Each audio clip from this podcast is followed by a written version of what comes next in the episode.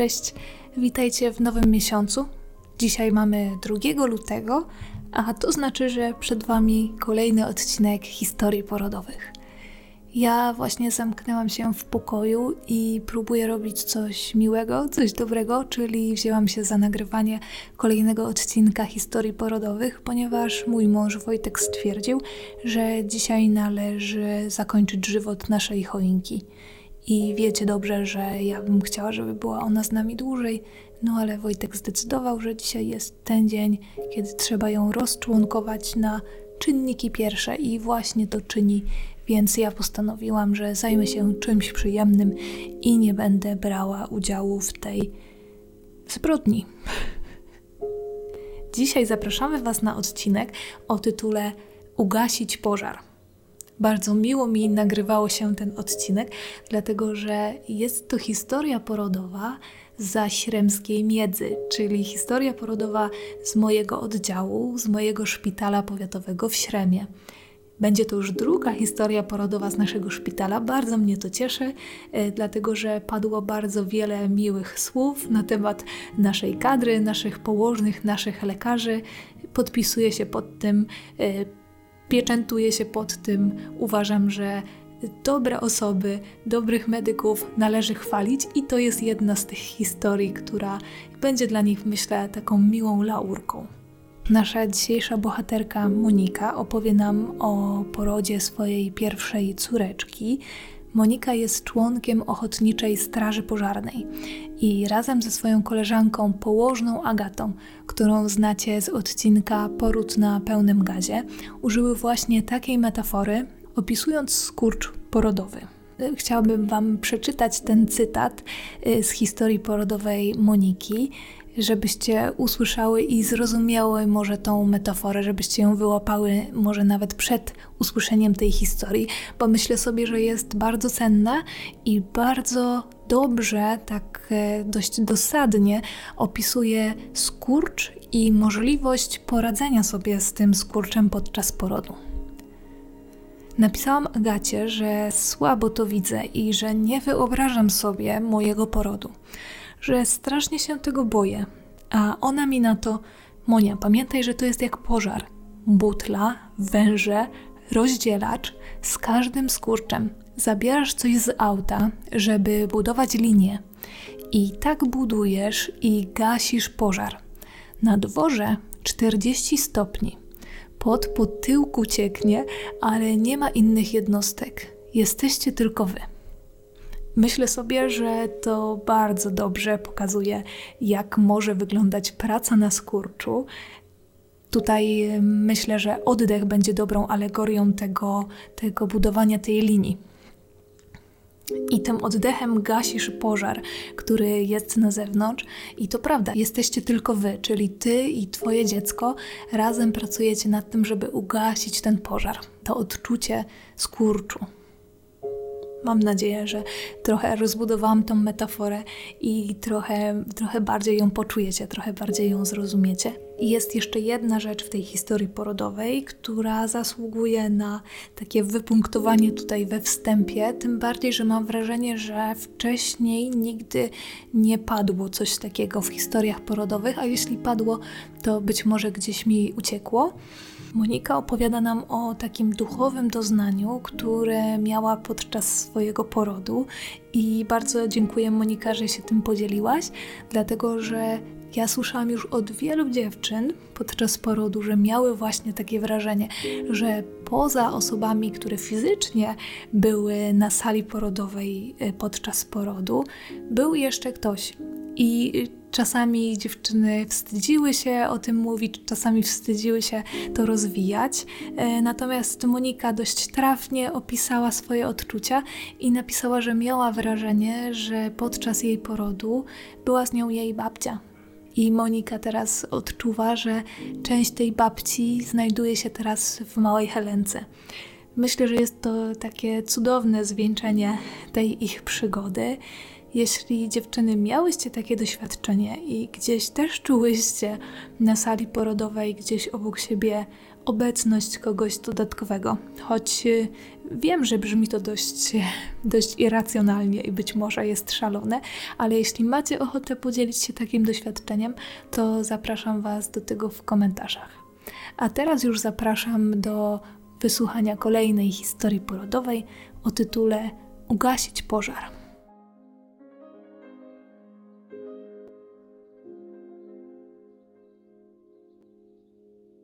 Nasza droga do pozostania rodzicami była planowana w sumie odkąd poznaliśmy się z mężem, czyli już jakieś prawie 6 lat temu, kiedy zaczęliśmy planować życie ze sobą nawzajem.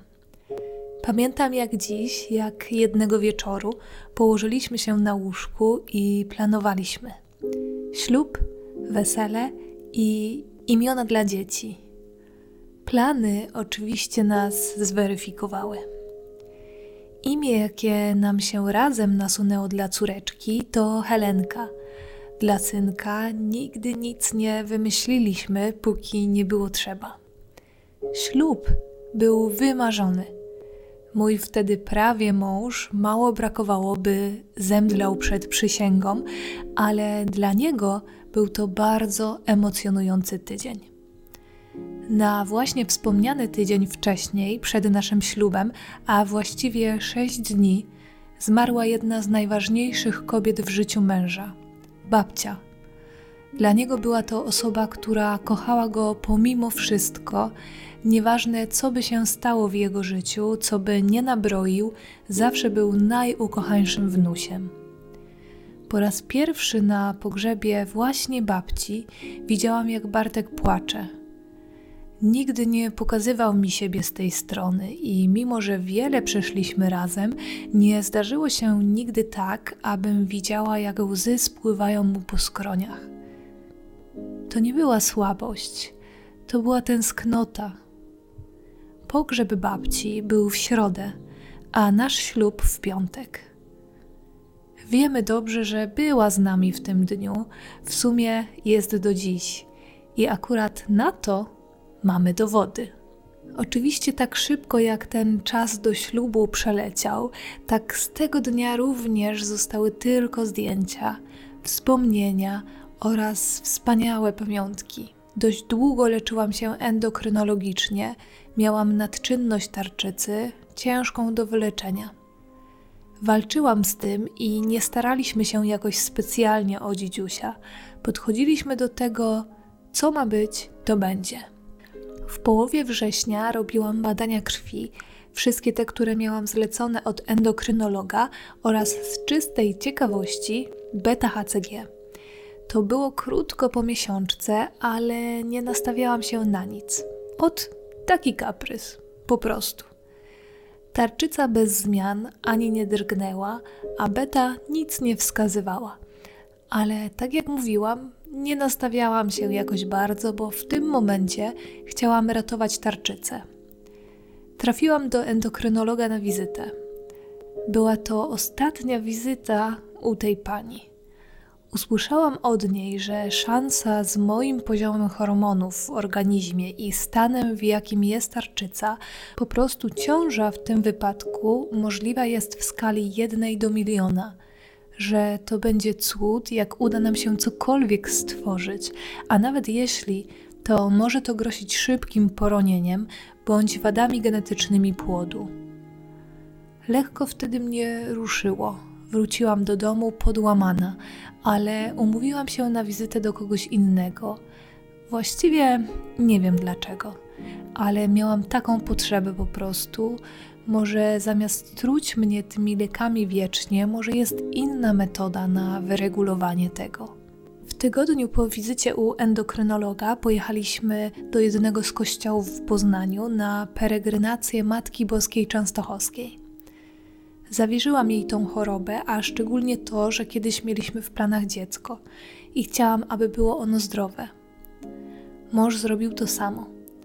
Po apelu jasnogórskim zabrzmiał hymn Maryjo Królowo Polski.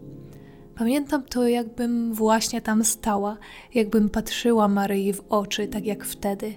Pamiętam te strumienie łez. Nie do opanowania. To uczucie jest mi bliskie do dziś. kilka dni później, pierwszy raz od kilku miesięcy, brało mnie przeziębienie. Śmiałam się, że tak dawno nie byłam przeziębiona, może w ciąży jestem. Dużo się nie pomyliłam. Mąż do mnie, a tobie się dwa dni miesiączka czasem nie spóźnia? To był pierwszy raz, przysięgam, że nigdy tego nie kontrolował. Spóźniał się i kiedy robiłam testy i zobaczyłam, jak ta kreska, która nigdy nie robi się czerwona, zrobiła się aż bordowa, stał się cud. Ten jeden na milion. Płakałam jak bóbr, tyle emocji naraz. Pamiętam, jak Bartek wydzierał się pod oknem swojej mamy. Będę ojcem. To był tydzień pełen wrażeń i emocji. Bardzo chciałam pracować do potwierdzenia ciąży, bo marzyłam o tej pracy od dawna, ale w poniedziałek okazało się, że mam zapalenie krtani. Do tego doszedł straszny kaszel. Każda z kobiet w ciąży wie, jak trudno wykaraskać się choćby z przeziębienia. Herbatki z sokiem z tak zwanej chyćki, inhalacje uratowały mnie i po kilku dniach mogłam zrobić dopiero betę. Z emocji przed betą i też poniekąd przez chorobę nie mogłam spać. I dosłownie o trzeciej w nocy przypomniałam sobie, że mam w gronie znajomych położną Agatę. Agatę, którą poznaliście w historii Poród na pełnym gazie. To taka moja dobra duszyczka. Nakierowała, dorodziła, trafiłam na cudnych lekarzy, endokrynologa i ginekologa. Ginekologiem okazał się dobry kolega męża z czasów nastoletnich. Bardzo mi pomógł. Był na tak zwany telefon i odpowiadał na każdą, nawet najdrobniejszą wiadomość. Co wizytę od niego słyszałam ciąża książkowa. Podbudowywało mnie to, z drugiej strony tej gorszej, tarczyca nie wróciła do normy, ale powoli wracała na dobre tory – na szczęście nie miałam żadnych guzków i przez leki miałam świadomość, że moja większa ilość hormonów nie grozi niczym dziecku. Jedyny problem w całej ciąży to problem z ciśnieniem. Trochę dało się we znaki pod koniec ciąży, ale ustąpiło razem z porodem. Gdy zbliżała się końcówka ciąży, walczyłam z rwą kulszową. Delikatnie był problem z poruszaniem się, ale do samego końca ustąpić nie chciało. Jak to na końcówkę przystało, trzeba zrobić listę, co jest nam potrzebne do porodu i gdzie rodzimy. Położna również cudowna kobieta z mega wielkim doświadczeniem życiowym, ale i położniczym, radziła polną Pracowała tam, znała realia, również sama tam rodziła dzieci i była bardzo zadowolona. Z drugiej strony mamy śrem. Tyle dobrego słyszałam o oddziale ginekologicznym i porodówce. Poza tym mój lekarz odbywał tam dyżury na oddziale i porodówce. Po wielkich debatach i przemyśleniach niepodważalnie padło na śrem. I z całego serca mogę powiedzieć, że nie żałuję, nie zawiodłam się trafiłam na cudowny zespół położnych, panią Monikę, Anię i Violettę. Pani Monika przyjmowała mnie na pokój porodowy. Jak zobaczyłam jej uśmiech, wiedziałam, że to źle skończyć się nie może i to, że ona jako pierwsza przywitała na świat moją córeczkę. Panią Anię kojarzyłam z sekretariatu przy poradni, tak jak pani Ania zrobi zastrzyk, szczepionka na konflikt serologiczny, tak nikt nie potrafi. Pamiętam, że nawet podczas porodu o tym wspomniałam. No i pani Violetka, co jakiś czas do mnie zaglądała, motywowała, a w trakcie akcji porotowej ratowała mi życie, polewając wodą czoło i dekolt. Na pięć dni przed porodem miałam ostatnią wizytę u ginekologa i wtedy padło stwierdzenie, że skoro ciąża jest taka książkowa, to pewnie przenosimy ją i dojdzie do wywoływania porodu, bo dzieci najwidoczniej jest tam za zbyt fajnie i jedynie siłą będzie trzeba ją stamtąd wykurzyć. Troszkę się wystraszyłam, ale no co? Od początku ciąży podchodziłam do wszystkiego, co ma być, to będzie. Na wizycie rozwarcie było tylko na opuszek palca, żadnych skurczy nie czułam. Dlatego się nie martwiłam w ogóle o stan malutkiej. W sobotę mieliśmy zawody sportowo-pożarnicze. Oczywiście udziału nie brałam, ale pamiętam, że przeszłam na pewno któryś kilometr. Wieczorem grill u rodzinki, a w niedzielę całodzienne umieranie. Nogi mi tak spuchły, że nie byłam w stanie się ruszyć. Pogoda również temu nie sprzyjała. Bardzo duży dyskomfort dla kobiet w ciąży. Nie dość, że wielki brzuch, to jeszcze nogi jak dynie. Ale wszyscy obiecywali mi, że po porodzie minie. Tak minęło, to prawda. W poniedziałek rano, 13 czerwca, coś zaczęło się dziać. Kuło mnie coś w dole i wyszła ze mnie jakaś galaretowata maś, co się później okazało czopem porodowym. Agata i Adam, mój ginekolog, uspokajali, że to objaw, który może wystąpić na ponad tydzień przed porodem. W sumie zgadzałoby się z terminem, bo mieliśmy go na 21 czerwca. Napisałam do mojej położnej, czy byłaby możliwość zrobienia mi KTG w najbliższych dniach, bo odszedł mi czop. Tym razem nie miała czasu odpisać. Mąż już w tym tygodniu miał pracę niedaleko domu, normalnie wyjeżdża w delegacje kilkudniowe, więc już powoli przeczuwałam, że coś może się stać. Kiedy wieczorem wrócił z pracy, zaczęło coś się kręcić. Stwierdziłam, że zrobię mu obiad kolację, bo to było już coś koło dwudziestej. Czynności, które zawsze zajmowały mi normalnie kilka sekund, minut, trwały wiecznie. Schabowy smażył się wieczność. Skurcze gdzieś tam się objawiały co 12-15 minut. Ciężko było mi się skupić na jednej rzeczy. Mój posiłek trwał z godzinę, a na talerzu wylądowały tylko dwa ziemniaki. Nie mogłam nic przełknąć, nie wiem czy ze strachu, czy ze zmęczenia, ciężko powiedzieć. Moja mama w tym czasie napisała, że moja prababcia wróciła do domku. Tydzień wcześniej miała udar muszczku, ale obiecała, że doczeka praprawnuczki. Ja myślałam, że poznają się w szpitalu. Na szczęście los chciał inaczej. Skurcze regulowały się powoli. Dopiero po tym, jak wróciłam spod prysznica, wtedy już były co 9-10 minut, to było coś około północy. 14 czerwiec to chyba dziś, pomyślałam, nie przez przypadek. Ja urodzona jestem 14 lutego, a mąż 14 maja. Może coś jest na rzeczy.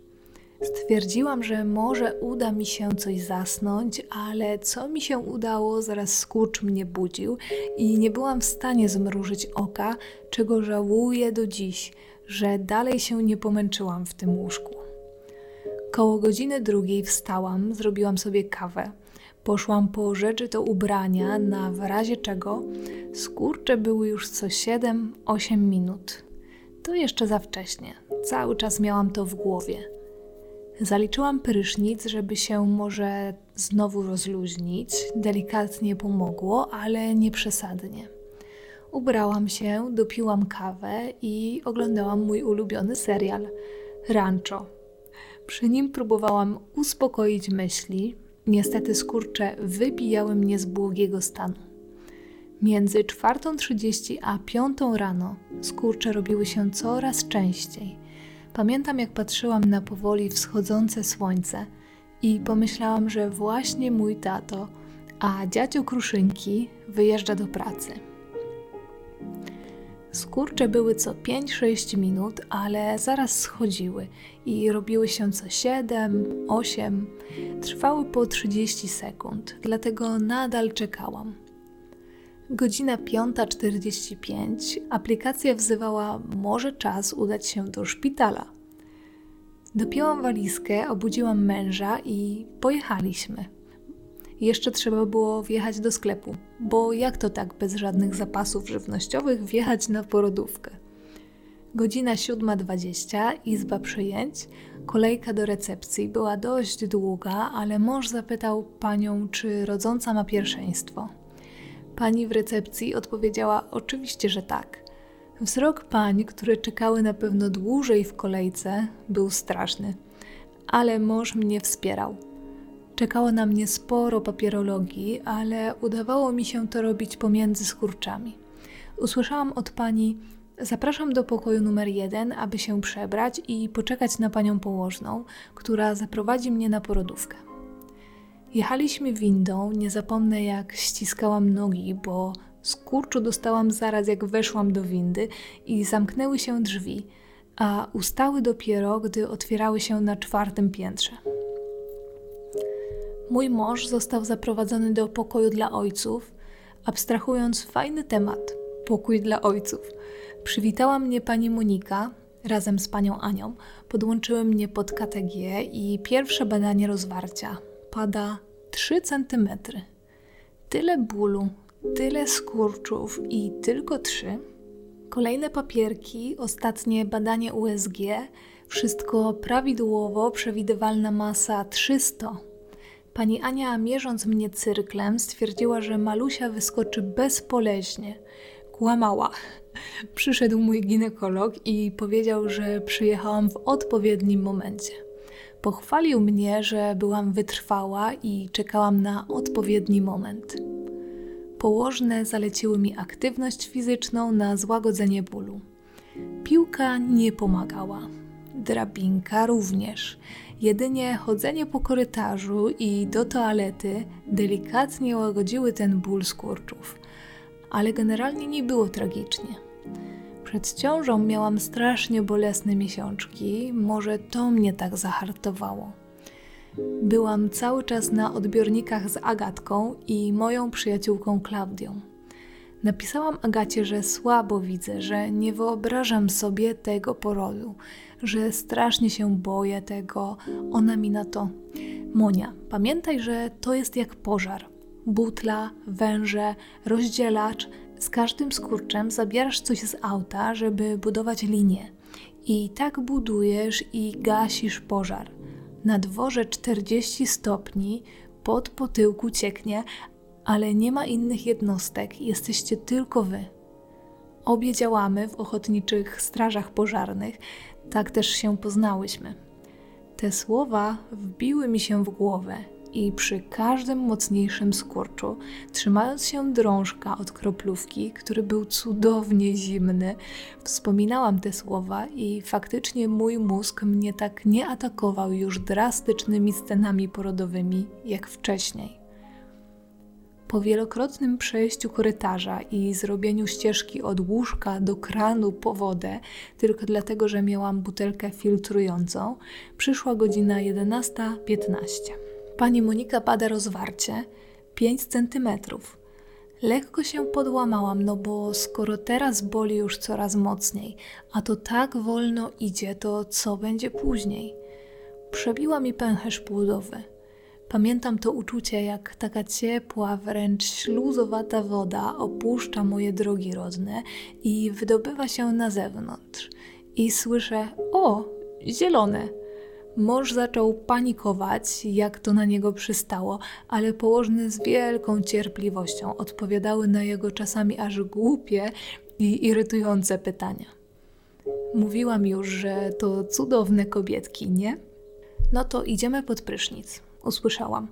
Niestety pani, która była przede mną lub sprzątała łazienkę, zostawiła włączony natrysk, który był na ścianie, takie ala bicze wodne, Zalałam całą łazienkę.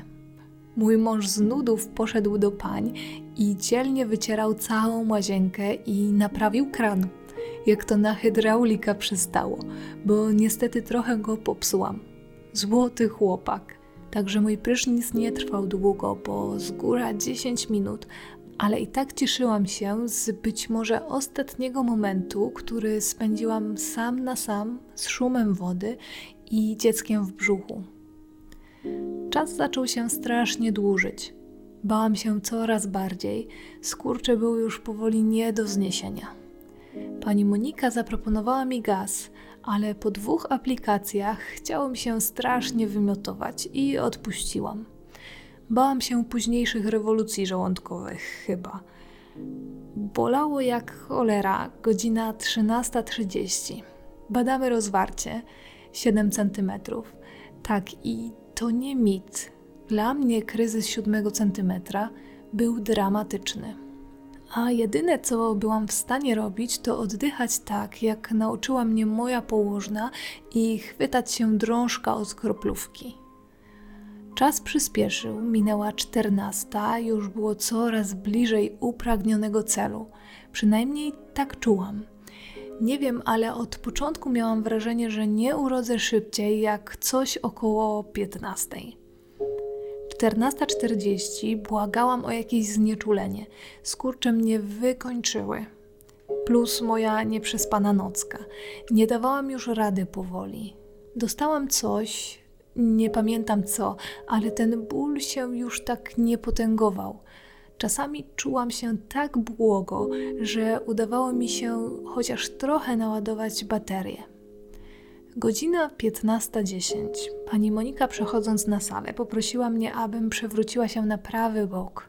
Pamiętam, że odpowiedziałam jej tylko: Nie, no, będzie mnie to strasznie bolało. Trochę mi zajęło to przewrócenie się na bok. 15.15. Po przewrocie zaczęło tak strasznie boleć, że no tego nie dało się opisać. Pani Monika bada rozwarcie 10 cm i mówi do mnie: Pani Moniko, teraz liczymy na petardę. Zaczynamy drugi etap. Ja w sumie nie do końca wiedziałam, co się dzieje, chyba za bardzo odpłynęłam po tym znieczoleniu. Po 6 godzinach i 30 minutach zaczęliśmy drugi etap porodu. Położna zapytała mnie, czy mam potrzebę parcia, i opisałam, że to takie uczucie, jakby coś miało mnie tam rozerwać od środka i eksplodować dołem. Już nic nie odpowiadała, tylko się ubrała i zaczęło się. Pani Monika do mojego męża. Teraz pan słucha. Żona będzie za chwilę pana nienawidzić i o wszystko obwiniać po chwili ciszy, ale musi pana bardzo kochać.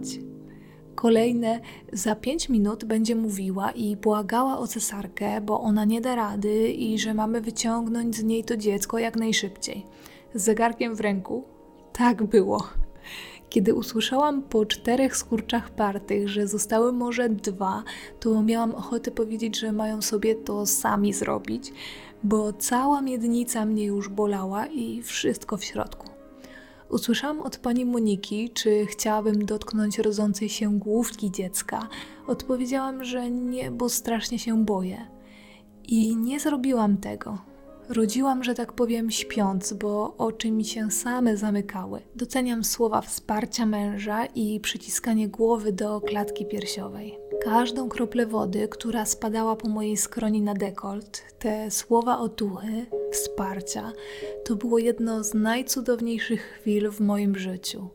Był ból, był potok łez, był śmiech i radość.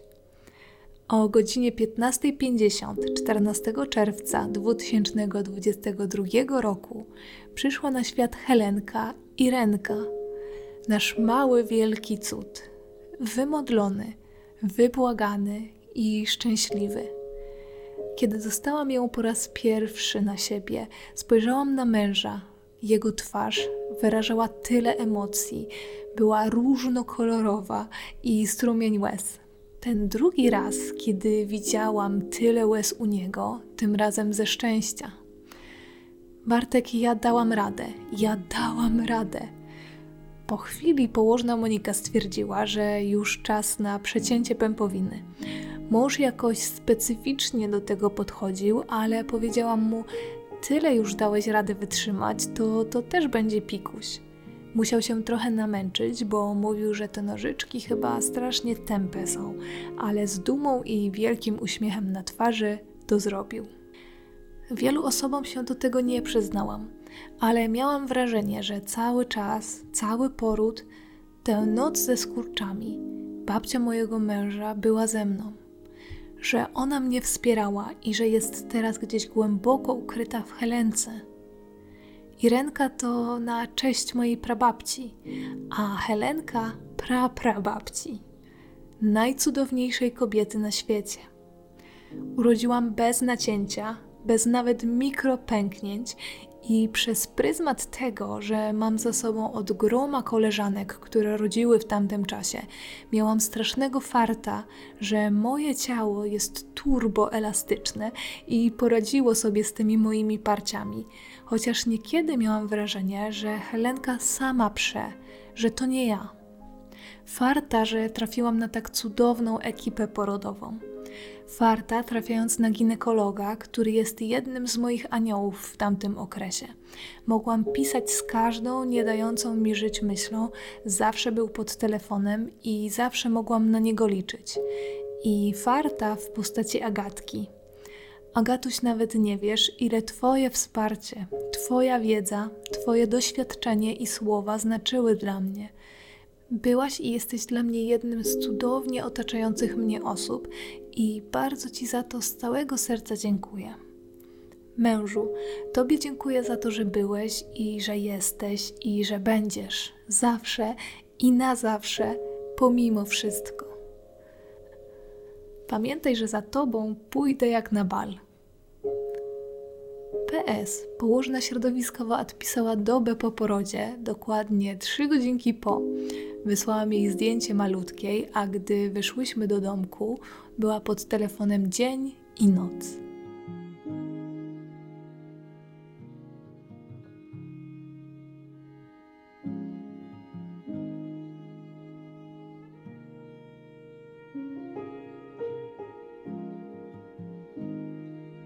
Cześć, jestem Monika. Kiedy zaszłam w ciążę, jedno pytanie mnie nurtowało. Jak ja mam to dziecko urodzić? Do tej pory ciężko mi uwierzyć w to, że dziecko, które właśnie leży obok mnie, wyszło ze mnie. Jakim cudem? Mamusie, z doświadczenia mogę Wam powiedzieć, że najważniejsze to wyłączyć wyobraźnię i myślenie, wsłuchać się w położne i swoje ciało. Ten zespół najlepiej wie, na co nas stać, jakie mamy możliwości. Mężu, dziękuję Ci za Twoje wsparcie w ciąży podczas porodu aż do dziś.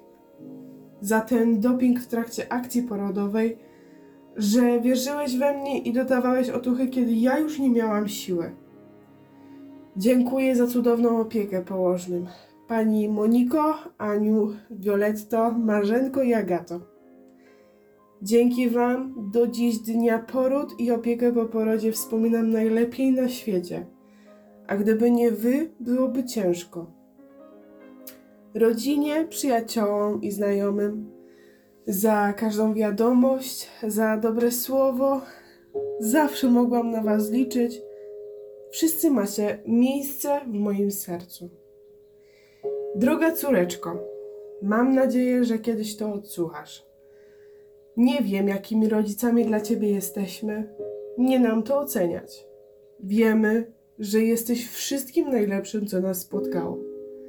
Dziękujemy za to, że możemy patrzeć, jak rośniesz i fundujesz nam Twoje kolejne poczynania. Mam nadzieję, że zawsze będziemy widzieć uśmiech na Twojej twarzy, bo rozchmurzy to nawet najgorszy i ponury dzień. Kochamy Cię, statusiem Dorastaj nam zdrowo i bądź sobą. Mama i tata.